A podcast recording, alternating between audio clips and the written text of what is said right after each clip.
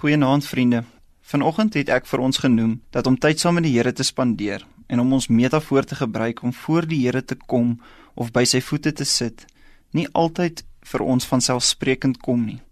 Veral nie as gevolg van ons gepakte dagboeke nie. En het ek daarom genoem dat ons juis daarom 'n bewuslike besluit moet maak om saam met die Here te kuier. Ek moet as te ware dit in my dagboek inskryf sodat ek dit nie kan mis nie. Nou wil ek sommer uit die staanspoor sê, ek glo die Here is in elk geval by ons. Ons kan nie hom ontglip nie. Maar wanneer ek tyd saam met die Here spandeer en ek nie my afspraak mis nie, kyk ek sommer net anders na die dag wat vir my voorlê. Ek sal eerste wees om dit te erken. Ek het my al in die verlede self betrap waar ek in die helfte van die dag sommer opgeblaas, geïrriteerd of kort af is en voel en ek kan amper my kop op 'n blok sit dat as ek in my spore terugloop, was dit die dag waar ek my afspraak in die oggend gemis het.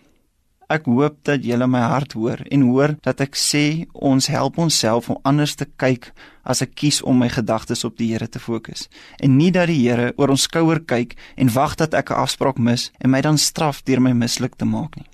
Dit is amper soos die woorde van Paulus in Filippense 4 wat sê: "Moet oor niks besorg wees nie, maar maak in alles julle begeertes deur gebed en smeking en met danksegging aan God bekend. En die vrede van God wat alle verstand te bowe gaan, sal oor julle harte en gedagtes die wag hou in Christus Jesus. As ek 'n voorbeeld moet noem, dink ek baie keer terug aan 'n dag. Dink ek hoe ek by die tolk stop in plaas van om so vasgevang te wees in my denke, ek vir Donald groet, ons vir mekaar glimlag.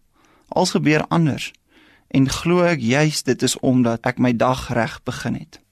Ons almal, dalk het jy dit vandag beleef, hoe jy vandag in 'n moeilike situasie was.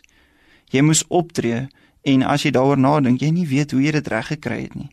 En jy dan besef, die Here is getrou. En om my dag saam met hom te begin, verander die manier hoe ek my dag aanpak en selfs dalk hoe ek optree. Kom ons sluit die oë. Here, dankie dat ons ingesteldheid op U ons anders laat kyk. Amen.